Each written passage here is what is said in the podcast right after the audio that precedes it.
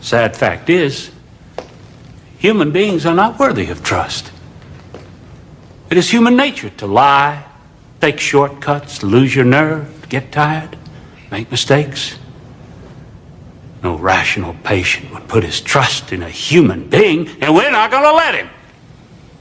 It is our mission here to rigorously and ruthlessly train the humanity out of you and make you into something better. We're going to make doctors out of you. Du skaber et kolossalt forventningspres, og dermed også et behandlingspres på sundhedsvæsenet. Øh, og det lader til, at nu lykkes det, og inden vi går ud af 2013, jamen, så er det rullet fuldt ud. Det skal det være. Jeg er jo ikke død, og, og, og, det er jo, og det er jo lige præcis det argument, som er argumentet imod. Rigtig hjertelig velkommen til Stetoskopet. Mit navn det er Ulrik, og for syv år siden, der startede jeg på medicinstudiet. Det startede med en rustur, og den rustur den foregik langt oppe i Nordjylland. Så det tog fire timer at køre med bus helt derop. Heldigvis så havnede jeg ved siden af en rigtig sød fyr. Vi hyggede os på rusturen, vi blev læsemærkere, og vi fulgte hinanden hele vejen op igennem medicinstudiet. Og Morten, nu har du sammen også fulgt med ind i radiostudiet. Du kan ikke slippe for mig. Nej, men jeg er jo rigtig glad for, at uh, du er med i dag, fordi vi skal bare ud i et uh, sindssygt spændende program, som jeg har glædet mig enormt meget til. Og Morten, vil du ikke fortælle lytterne, hvad det er, det skal handle om? Det vil jeg rigtig gerne. For i dag skal det handle om empati. Og det skal det, fordi at jeg gik for noget tid siden og lyttede til Stetoskopet og Forskernyt, hvor I snakkede om en artikel, der handlede om, at medicinstuderende blev mindre og mindre empatiske igennem studiet. Og det blev jeg jo ret ked af at høre, fordi nu har jeg været det i syv år, og nu bliver vi jo snart læger, Ulrik. Ja.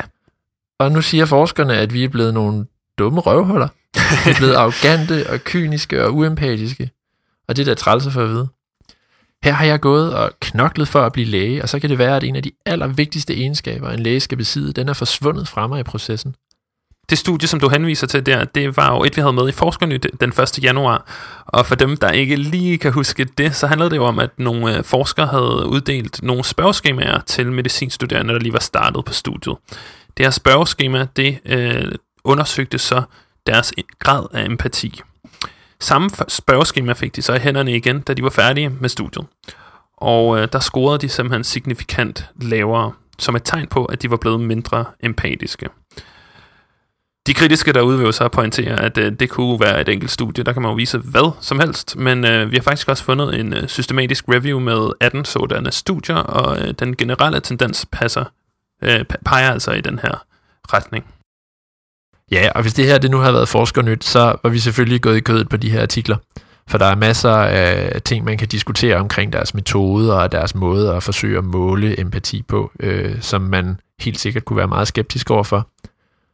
Men i dag, der lægger vi vores skepsis lidt på hylden og siger, hvis de her studier, de virkelig er rigtige, hvordan kan det så være, at vi bliver mindre empatiske gennem studiet, og er det noget, man kan gøre noget ved, eller er vi bare dømt til at være kolde robotter resten af vores karriere? Så de spørgsmål, dem tog vi med videre til nogle mennesker, som vi tænkte vidste en hel masse om emnet. Vi skal blandt andet forbi en læge, som I helt sikkert kender. Og vi har været ude at snakke med en person, som har et af de menneskeligt set allermest krævende lægejobs, der er. Og så skal vi også forbi en bog, som vi tænker er rigtig relevant for emnet. Det er bogen, som blandt andet har inspireret tv-serien Scrubs. Men allerførst, så skal vi lige have lidt teori for at finde ud af, hvad det her empati egentlig er for en størrelse. Og empati vil jo sige, øh, øh, den, øh, det betyder jo egentlig den der forståelse. Ikke? Um, man øh, tror samtidig, at empati betyder noget andet. Altså det, øh, der eksisterer jo samtidig den misforståelse, at det er det at have medfølelse med patienten. Men det er egentlig ikke det, empati betyder, fordi det, det er det, man kalder sympati, at man så kan føle med patienten. Men øh, altså empati betyder jo, at man kan leve sig ind i, hvordan det er at være patienten, eller at man sådan umiddelbart forstår, hvordan øh, det er at være den patient, både sådan med tanker og følelser, og øh, ja, man bruger jo nogle filosofiske... Det her, det er Annette Davidsen. Hun er lektor på afdelingen for almen medicin og forskningsenheden for almen praksis i København. Øh, bag, bag sig der har hun en fortid som almen praktiserende læge, og hun har også arbejdet i psykiatrien. Og nu forsker hun i psykiatri i almen praksis og kigger især på, hvordan patienter eller hvordan læger de taler med patienter om psykiske problemstillinger. Hun har lavet en masse teoretisk arbejde med læge-patientforholdet. Så vi tænkte, hun var et godt sted at starte til at snakke om, hvad er det her empati egentlig overhovedet for noget. Og empatibegrebet stammer egentlig fra den fenomenologiske øh, filosofi eller tænkning, hvor man sådan øh, tænker, at forståelsen af den anden er noget, der foregår øh, fuldstændig automatisk. Altså den, den, den umiddelbare forståelse, som er i interaktionen. Selvfølgelig så kan vi godt bringe det ud i et metaperspektiv, og vi kan begynde at snakke om, hvordan vi forstår hinanden, og hvordan vi kan reflektere over, øh, hvorfor den anden agerer, som den gør. Så bliver det en intellektuel forståelse, ikke? eller en kognitiv forståelse. Men hvis vi sidder og taler med et andet menneske, så øh, sker forståelsen hovedsageligt øh, automatisk og umiddelbart. Øh, hvor så Morten, vi har måske mistet en del af den her umiddelbare empatiske reaktion, fordi vi har valgt at uddanne os til læger, du og jeg. Men øh, hvorvidt det kan være rigtigt, det øh, spurgte vi også Annette om. Ja, for jeg tænker, de undersøgelser er jo øh, øh, lavet med, altså er undersøgelser af en udmærket kvalitet, så, så det, og der er masser af undersøgelser, der viser det, så, så det tænker jeg da, at der er noget i hele socialiseringen til at blive læge, og i hele øh, organiseringen af sundhedssystemet, og det tror jeg sådan set ikke bliver mindre, øh, som øh, er med til at lede øh, de professionelle væk fra det relationelle øh, forhold til patienterne. Men det er også, det er også selve øh, lægestudiet, ikke? Øh, hvor der er nogen, der øh, har lavet en undersøgelse over det, de kalder the hidden curriculum, som betyder øh, altså øh, øh den øh, sådan underliggende øh, tænkning i øh, studiet, og hvad der er rigtigt at lære, hvad der er de rigtige spørgsmål at stille og sådan noget. Øh, så. Noget i hele socialiseringen til at blive læge. Vi vil sige, at vi er simpelthen blevet presset igennem en skolemaskine, som har gjort os til uempatiske mennesker, som kun fokuserer på det biologiske. Ja, det er jo lidt det, hendes pointe er, og det minder mig i høj grad om det her citat, vi indledte programmet med som, øh, som er taget fra filmen Patch Adams, hvor dekanen stiller sig op foran alle de nye medicinstuderende og siger, målet med jeres skolegang her, det er, at vi skal have trænet det menneskelige ud af jer, så I kan blive nogle ufejlbarlige, maskinagtige læger. Det kan jeg egentlig ikke særlig godt lide. Nej, det kunne Patch Adams heller ikke i filmen, kan jeg godt love dig. Men selvom filmen sætter det lidt på spidsen, så, øh, så eksisterer den her tendens jo så tydeligvis stadig i den virkelige verden. Solrik og jeg, vi blev enige om, at vi måtte gøre noget. Ja. Vi må have hjælp. Så vi ringede til et af vores store forbilleder. Han er læge, og vi synes, han er en helt utrolig rar og venlig mand at lytte ja. til. Og så er han også øh, radiovært. Lige præcis. Og vi spurgte ham, om han havde nogle hemmeligheder, han ville dele med os, om hvordan man bliver en god og empatisk læge. Jamen altså, jamen det er jo meget, meget simpelt. Øh, og øh, jamen, skal vi prøve at finde, finde, finde hemmeligheden, for der er en hemmelighed. Øh, og ham vi søgt hjælp hos, det var Peter Lund, hjernemassen. Det er noget med, at man i hvert fald skal opfatte sig som lige mænd. Øh, og det er noget med, at øh, ja, man skal møde patienten som lige mand. Øh, og øh, der er rigtig mange læger og folk i behandlingssystemet i øvrigt, som, som har en, en ja og os holdning til patienter. Øh, og, øh, og, og, og det er noget, man ikke lægger mærke til, men, men det giver grundlæggende en helt forkert tilgang til det at tale med patienter. Øh, fordi at, øh, ja, for det sige, en dag sidder du dig selv øh, over for lægen, øh, og så kan du jo stille dig det spørgsmål, og det skal man su- stille så mange gange som læge. Hvad vil jeg gerne have, når jeg sad i den situation? Øh, og, øh, og det man gerne vil have, det er, at man bare bliver mødt som, øh, som, som et ligeværdigt menneske. Det lyder som sådan noget, øh, sådan noget hippiepis, men det er det ikke. Meget, meget klager rig i sundhedsvæsenet kunne undgås, hvis folk for alvor forstod det. Fordi jeg har jo været igennem med familiemedlemmer og sådan noget der, og jeg kan se simpelthen situationen, hvor man tænker, det der, det er fuldstændig unødvendigt, at du taler sådan til min mor.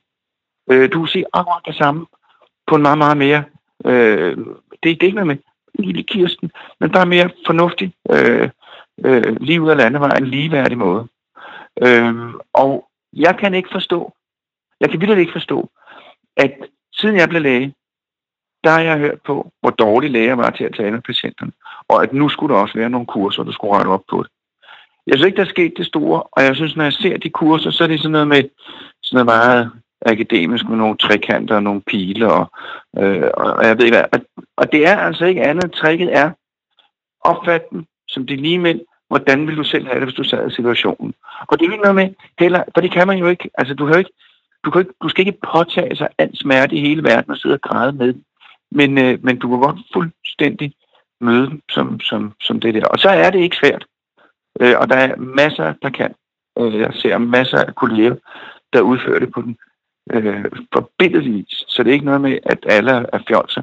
Men der er bare nogen tilbage, øh, og kommer også nye til, som, som simpelthen, altså man bare sige, hvorfor gør du det der? Hvorfor siger du det, giver du den besked på den fuldstændig tåbelige måde? Det er unødvendigt, og det skaber en masse ballade og problemer. På lukket afdeling, det er jo et sted, hvor det virkelig øh, hurtigt kan, kan gå galt, hvis man, hvis man ikke taler ordentligt til hinanden. Altså når der så plejepersonale, der går ind og siger til en patient, du skal ikke ryge her, Jamen, altså, så er vi i gang. Øh, du skal ikke tale sådan til mig. Så kører den. Og det, øh, det er sådan noget, man skal kunne håndtere, når man arbejder i sundhedsvæsenet, og, og hvordan, hvordan gør man i sådan en situation. Lene, nu har du foregrebet rigtig mange af vores spørgsmål. Det er virkelig spændende at høre om. Øhm, men jeg tænkte, en af de ting, som jeg gerne vil spørge dig om, det er, øhm, hvordan du har oplevet, øh, om du har oplevet, at din tilgang og din forståelse af patienter ligesom er kommet naturligt, eller er det noget, du sådan har måttet tænke over og tillære dig? Øh, jeg synes, den er kommet naturligt, men altså det, der jo sker, når man, eller det, der skete dengang jeg blev læge, ikke?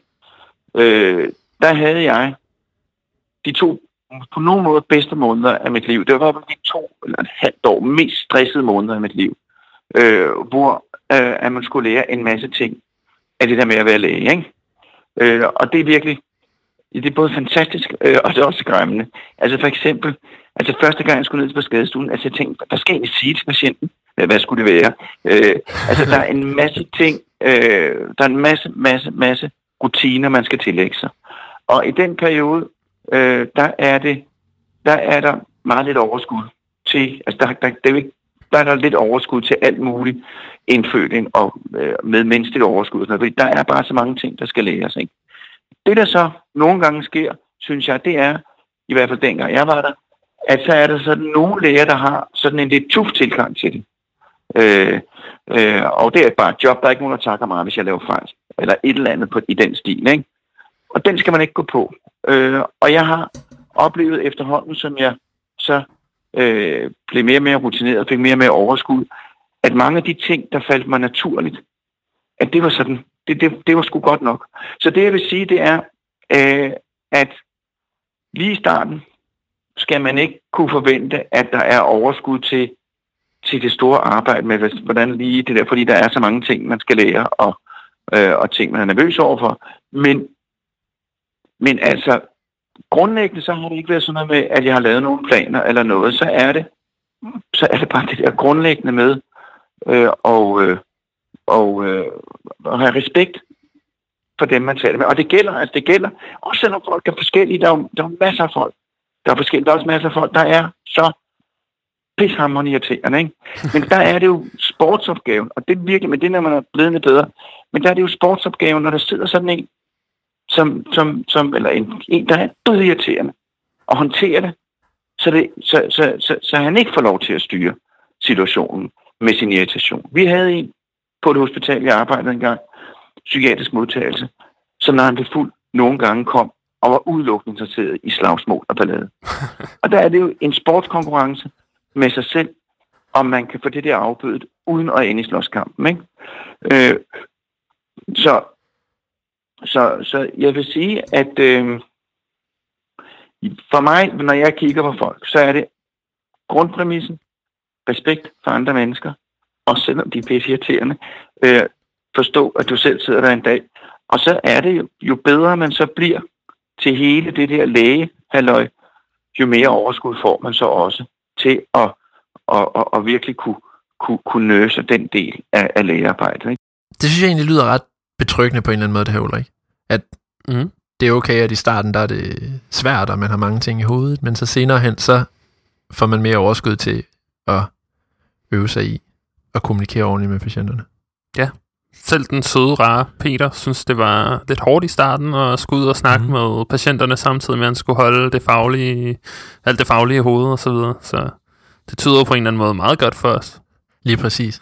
Og så tror jeg også måske, at det er lidt noget, man skal beslutte sig for at fokusere på, Mm. når man går rundt derude.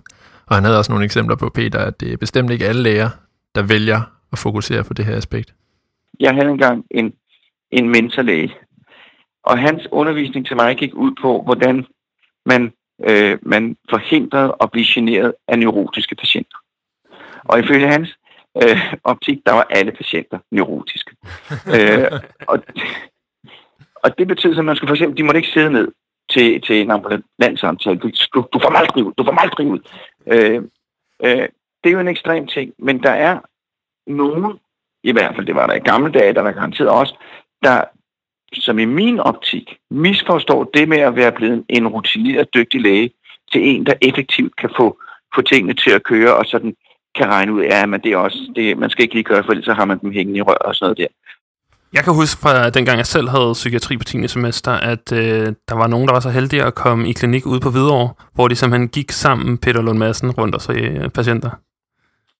Ja, og en af de ting, vi spurgte ham om, det var netop hans erfaringer med medicinstuderende, og om han synes, at de var gode til at øh, sætte sig øh, ind i patienternes verden.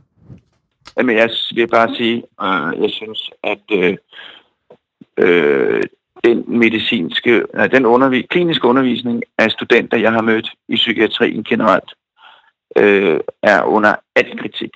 Og jeg kan understrege igen, understrege igen, under al kritik. Øh, og jeg mener, at øh, psykiatrien skyder sig selv i foden, fordi det er et speciale, som er fantastisk, som burde kunne rekruttere en masse medicinstuderende til sig. En af årsagerne til, at det ikke sker, det er, efter min faste overvisning, at den klin, klin, det klinikophold, de har på psykiatrisk afdeling, i hvert fald det, som jeg har set, er så fuldstændig øh, øh, rodet og forstyrret. Øh, og, øh, og, øh, og jeg synes, at øh, undervisningen i, i at tale med patienter eller sådan noget der, den er, den er, er, er den, den, er, den er langt under niveau. Øh, og, og, og, og, og, og jeg vil bruge den påstand, øh, men det er der ikke nogen, der gør. Men jeg bruge den påstand, at øh, hvis der var nogen, der gav mig øh, en dag eller et eller andet, så ville jeg fandme mig godt kunne komme med nogle øh, vigtige pointer øh, til medicinstuderende øh, om at finde deres egen vej øh, øh, i det, øh, der hedder patientkontakt. Det var det, vi havde fra Peter Lund Madsen i den her omgang, men øh, som det er tydeligt at høre, så øh, har han meget mere på hjertet, specielt øh, når det kommer til nogle øh, opfordringer til medicinstuderende. Og, så vi gav ham en mulighed for at komme med nogle af dem i overlægens spor, men det kan man først høre i næste program den 1. maj. Og lige om lidt, der kaster vi os ud i en boganmeldelse, Ulrik. Vi skal mm-hmm. nemlig snakke om bogen House of God, fordi den synes vi er relevant for dagens emne. Men inden da, så skal vi lige have lidt musik.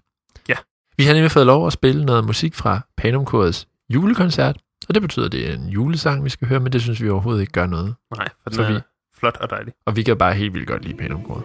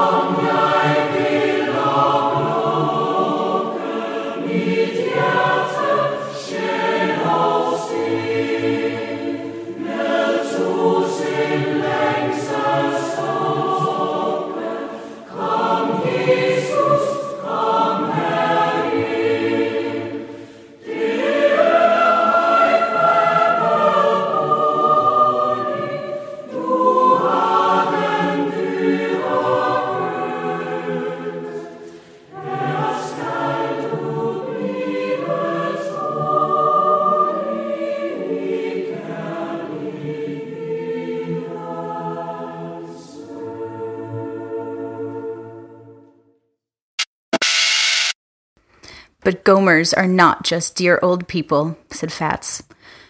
Gomers are human beings who have lost what goes into being human beings. They want to die, and we will not let them. We're cruel to the Gomers by saving them, and they're cruel to us by fighting tooth and nail against our trying to save them. They hurt us, we hurt them. Nogle af jer derude, I vil nok ikke genkende til det her citat, der kommer fra den medicinske kultklassiker The House of God, som er skrevet af Samuel Shem. Udover at være forfatter, så er Samuel Shem også læge og psykiater, og bogen er inspireret af hans første år som intern i USA. Internen svarer lidt til øh, den danske KBU. I bogen der følger man den øh, nyudklækkede læge Roy, og Roys første oplevelser på det her øh, hospital, The House of God, er mildest talt traumatiserende. Her stod han blandt andet på udtrykket Gomers, som bliver kastet lidt rundt af personalet. Og Gomer, G-O-M-E-R, står for... Get out of my emergency room! Og det er, som vi hørte i det første klip, en patient, som skulle have fået lov at dø for længe siden, men som takket være moderne medicinsk teknologi kan blive holdt i live for evigt. Og Roy han lærer hurtigt, at øh, på The House of God, der gælder der også nogle love, som han bestemt ikke havde læst om på medicinstudiet. The first law of the House of God Gomers don't die. Gomers, de kan simpelthen ikke dø. Det har Roy lidt svært ved at tro på i starten, men han finder ret hurtigt ud af, at det er faktisk rigtigt. Der dør masser af patienter, men det er altid dem, der er unge og friske, og som var raske lige for et øjeblik siden. Det er aldrig gomerne. Og derfor så er det bedste, man kan gøre, når man får en goma ind ad døren, det er i virkeligheden at skynde sig at komme af med dem igen. Og det her med at komme af med patienter, det er i virkeligheden en helt videnskabelig disciplin, som har sin helt egen terminologi. To turf. Verb. To find any excuse to refer a patient to a different department or team. To bounce. Verb. A turf that has returned to its first department. Og det her med at turfe og bounce, det er faktisk nogle af de vigtigste egenskaber, man kan besidde som læge. Det gælder om at spille tennis med patienten, få dem over på de andres banehalvdel og sørge for, at de bliver der. Men hvis man så havner med en gomer på sin afdeling, så finder Roy ud af, at øh, det bedste, man kan gøre, er faktisk at gøre så lidt som muligt. Jo mere man behandler patienterne, jo flere bivirkninger får de, og jo syre bliver de. Så det bedste, man kan gøre for patienterne, er faktisk bare at følge The 13th law of the House of God. The delivery of good medical care is to do as much nothing as possible. Det eneste, man egentlig skal passe på, er, at gomeren ikke falder ud af sengen. The second law of the House of God. Gomers go to ground. Men det her med, at patienterne de går i dørken, eller altså falder ud af sengen, det viser sig faktisk at være lidt af et tvækket svær. For en dag så tager Roys øh, mentor og vejleder, som bliver kaldt The Fat Man, Roy og de andre øh, unge læger ind til gomeren Mr. Rokitansky. Her viser han dem først, hvordan man kan bruge den elektriske hospitalseng til at behandle for eksempel hjertesvigt eller for lavt blodtryk. Men til sidst viser han dem også, hvordan man kan bruge den til hans helt egen form for raffineret lægekunst. And finally, when Rokitansky was five feet off the ground, chest level with us all, the fat man said, This is one of the most important positions. From this height, if a gomer goes to ground, it is an automatic intertrochanteric fracture of a hip and a turf to orthopedics. This height, said Fats, beaming, is called the orthopedic, the penultimate, and now the ultimate. Again, Fats hit the button, and Mr. Rokitansky floated on up, coming to rest at the level of our heads. This height is called the neurosurgical. Going to ground from here results in the turf to neurosurgery, and from there, they rarely bounce back. Thank you, gentlemen. See you at lunch. Altså, første gang jeg læste The House of God, der var jeg virkelig forfærdet. Jeg tænkte, hvad, hvad fanden er det her for noget? Hvem skriver sådan noget? Mm. Øh, og jeg var sådan lidt i tvivl om Samuel Shem, han mente det alvorligt, eller om han bare havde sindssygt dårlig humor. Ja. Øh, men så efterhånden, som jeg kom igennem bogen, så synes jeg, jeg kunne se, at det i virkeligheden handlede mere om, at de her læger, de var... Det var ikke fordi, de var stjernepsykopater, og det var heller ikke fordi, at Samuel Shem prøvede at fremstille dem som rollemodeller, men det handlede om, at det var deres forsvarsmekanisme, eller deres reaktion mod et, et system, som tvang dem til at opføre sig fuldstændig umenneskeligt over for deres patienter. Ja, ja, det er præcis derfor, vi har valgt at tage bogen med, fordi den på et eller andet plan handler om empati. Mm. Men der er lidt det her paradoks, som du kommer ind på, at på overfladen, der virker det som om, den handler om noget andet, og øh, Det er en kritik, som Samuel Shem har mødt før, og det snakker han faktisk om her i et foredrag, som vi har fundet. Uh, people have, over the years, called The House of God a kind of a cynical book, but um, in response to that, I went through it and I, I, I, I didn't see it as that so much when I wrote it. And it turns out there is one consistent, quote, message in the house of God that is pointed toward doing good in terms of connection. And that is the phrase being with the patient. Now, I'll read you a couple of passages from the book, a couple of sentences. This is the fat man. I make my patients feel like they're part of life, part of some grand nutty scheme instead of alone with their disease. With me, they still feel part of the human race. And uh, let's see. Yeah. And this is a patient of Roy, the narrator's, Dr. Sanders. What sustains us is when we find a way to be compassionate, to love, and what most and the most loving thing we do is be with the patient, like you're being with me. And then Roy at the end of the book says, What these patients wanted was what anyone wanted the hand in their hand, the sense that their doctor could care. Okay, så der var altså lidt mening med galskab. Ja. Ja. Nå, Ulrik. Det var vores første boganmeldelse. Ja. Ja. Så er der tilbage at sige til lytterne, at øh, der er nogen, der måske allerede har læst den, men dem, der ikke har, der kan vi kun stærkt anbefale, at man gør det. Ja, så kan man få sit eget indtryk af den. Og øh, selv hvis man øh, ikke har læst den, eller ikke har hørt om den før, så øh, har man, er man måske stødt på den øh, et andet sted. Øh, der er nemlig en tv-serie, som er stærkt inspireret af den her bog. Og det er tv-serien Scrubs. Mm. Og øh, hvis man ser Scrubs og læser bogen, så kan man faktisk sidde og, øh, og trække nogle streger mellem nogle af karaktererne. Roy er JD, og Chuck er Turk, og The Fat Man er måske Cox, og så videre, og så videre. Øhm, så det kan man sidde og lege lidt med, hvis man er fan af Scrubs. Det kan man i hvert fald. Ja. Nå, Ulrik. Vi skal til at videre til den sidste del af dagens podcast. Og det, vi skal snakke om her, det øh, mindede mig egentlig lidt om øh, en del i The House of God, som vi ikke kom så meget ind på, men som jeg nævnte kort, det her med, at hver gang der kom unge mennesker ind på hospitalet, så var de uhelbredeligt syge. Og The Fat Man, han sagde om dem, at de var unge nok til at dø. Og sådan er det jo heldigvis ikke i virkeligheden. Øh, men en Nej. gang imellem sker det. Ja, en gang imellem så sker det, at folk, der er alt for unge, de går hen og dør. Og øhm, det, som vi, øh, det, som vi gjorde, det var, at vi, øh, vi hævde fat i en, øh, en læge, som sidder i en meget unik situation. I en stilling, hvor at man må sige, at det kræver empati og menneskelighed i overmål. Og det kræver en evne til at kunne rumme sorg og sygdom.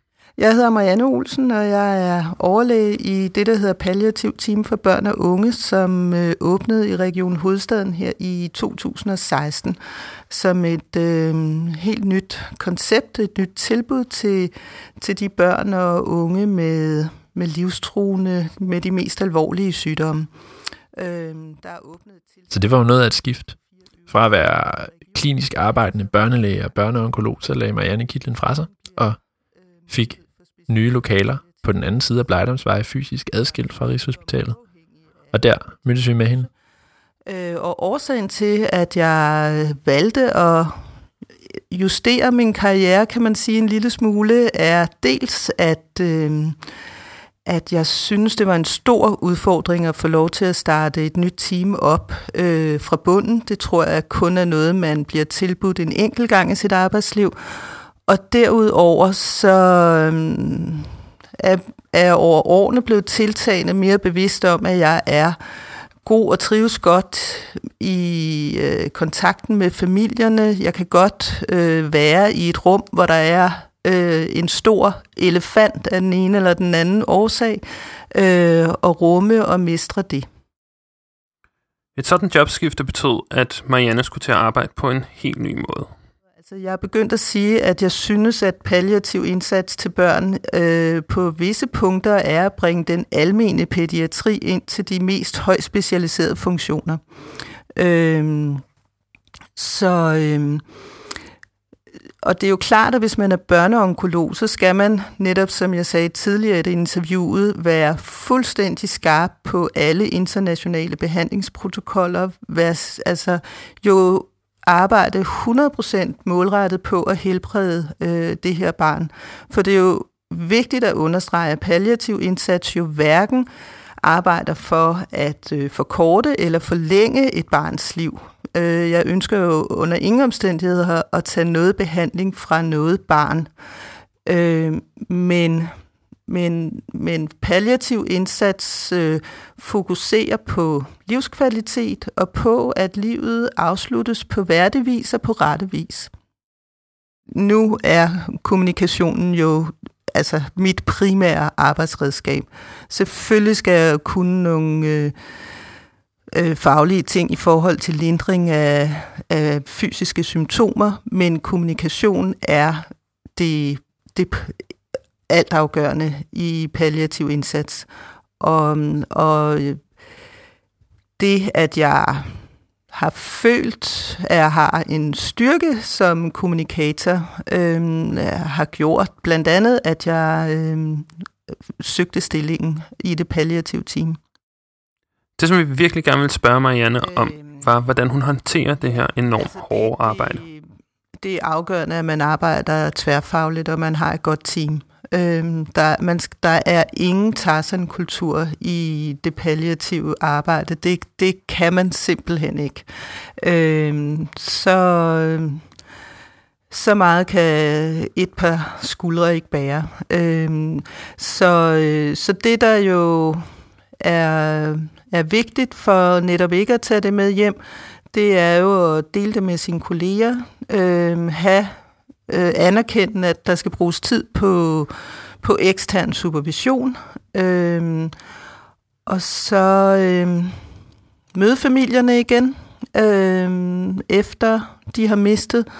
Øh, det er, altså samtaler med efterladte er utrolig meningsfuldt, fordi man får øh, tilbagemeldinger og, og indtil nu. Det, det lyder meget forkert, øh, men, men jo øh, en stor... Øh, øh, en stor taknemmelighed for, at man har hjulpet øh, barnet og familien på trods, øh, selvom det selvfølgelig er, øh, at der er jo ingen mennesker, der ønsker at sige farvel til deres børn. Øh, men og så vil jeg sige, det er altså også i høj grad noget, man kan arbejde med, fordi i de første gyldne energiske år, hvor jeg var børneonkolog, altså jeg, jeg levede mig jo 100% ind i det. Jeg kunne ringe ind om aftenen og spørge, hvordan øh, barnet nu havde det, om der nu var styr på det hele, og, og det var, mm, det var for meget. Man bliver nødt til at lære at være lidt professionel. Der, er, der ligger en træning i og, og sige til sig selv, nu tager jeg fra arbejde, så cykler jeg hjem, og jeg må tænke på mit arbejde, mens jeg cykler hjem.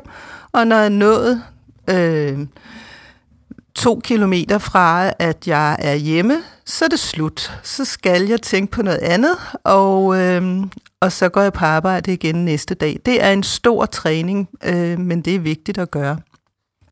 Det synes jeg, der er nogle rigtig gode råd, Ulrik. Det synes jeg bestemt også, og jeg tror, at det er noget, vi, øh, vi kan tage med os ud i vores kabul. Helt sikkert. Men øh, vi spurgte jo også lige Marianne om hendes tanker om det her med, at med, øh, medicinstuderende de bliver mindre og mindre empatiske. Og det har jeg tænkt meget over, fordi jeg, empati er jo ligesom en menneskelig egenskab, som enten har man den, eller også har man den ikke. Sådan tænker jeg i hvert fald på det. Så, så, så det er egentlig nået frem til, det tror jeg er et spørgsmål om, om man har det faglige overskud til også at være meget empatisk og god i sin kommunikation og god til at fagne hele øh, patienten og de pårørende. Og jeg tror, at i øh, slutningen af medicinstudiet, de første år som læge, der har man øh, så travlt med at tilegne sig kompetencer i, den, i rollen som medicinsk ekspert og få styr på sine differentialdiagnoser, huske hele anamnesen og øh, kunne lave en neurologisk objektiv undersøgelse. Og, og så, så jeg tror ikke, at man nødvendigvis har overskud til øh, næste step, nemlig at være meget empatisk øh, og alle de her øh, menneskelige egenskaber, som vi bliver bedømt, jo selvfølgelig med rette, men som vi bliver bedømt meget på. Øh, så det tror jeg er noget, man får overskud til, og man kan udvikle stille og roligt igennem sit lægeliv. det var alt fra Marianne Olsen. Og det synes jeg var en rigtig god afrunding på dagens program. Hun Ja. tager jo nogle af de samme temaer op, som vi hørte fra nogle af de andre, vi har interviewet. Um, det her med, at man udvikler sig igennem hele livet. Og i perioder så kæmper det faglige lidt med det menneskelige, men sådan er det nok bare. Så det kan være, der er håb forude, når vi engang har fået styr på alt det faglige i Morten, så kommer empatien stille og roligt tilbage. Kan vi håbe på det? Forhåbentlig. Det håber jeg. Måske vi også har lidt af det nu. Den gemmer sig et sted dernede. Mm. Men der er i hvert fald ikke mere empati tilbage at finde i vores program for den her gang. Men om to uger, så kommer der jo et helt nyt program, hvor stetoskopet blandt andet er i Sverige. Og så havde jeg jo også lovet, at der ville komme lidt mere med ham, Peter Lund Madsen. Så er der bare tilbage at sige tak til Annette Davidsen og Peter Lund Madsen og Marianne Olsen, som stillede op til interviews. Og tak til Rachel Cater, som læste højt fra The House of God. Og så selvfølgelig tak til Panonkoret for, at vi måtte spille noget af deres musik. Og vi synes lige, at øh, vi vil gerne slutte programmet af med en lille smule mere. Og hvis man slet ikke kan få nok af det, så kan man jo øh, gå ind og følge dem på Facebook og få noget information om deres næste koncerter. Inde på Facebook kan man også finde stetoskopet, og så kan man gå ind og høre alle vores gamle programmer på stetoskopet.nu.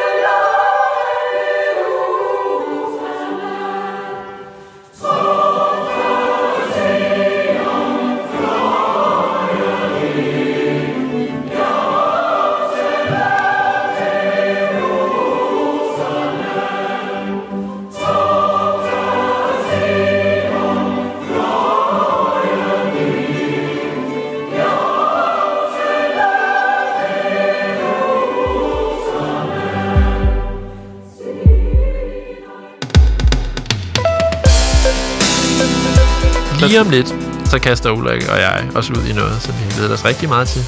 Vi vil nemlig rigtig gerne lave... Åh, ring min mor. jeg bliver faktisk nødt til lige at tage den øjeblik. Så? Hvad? Øh, Jeg skal lige...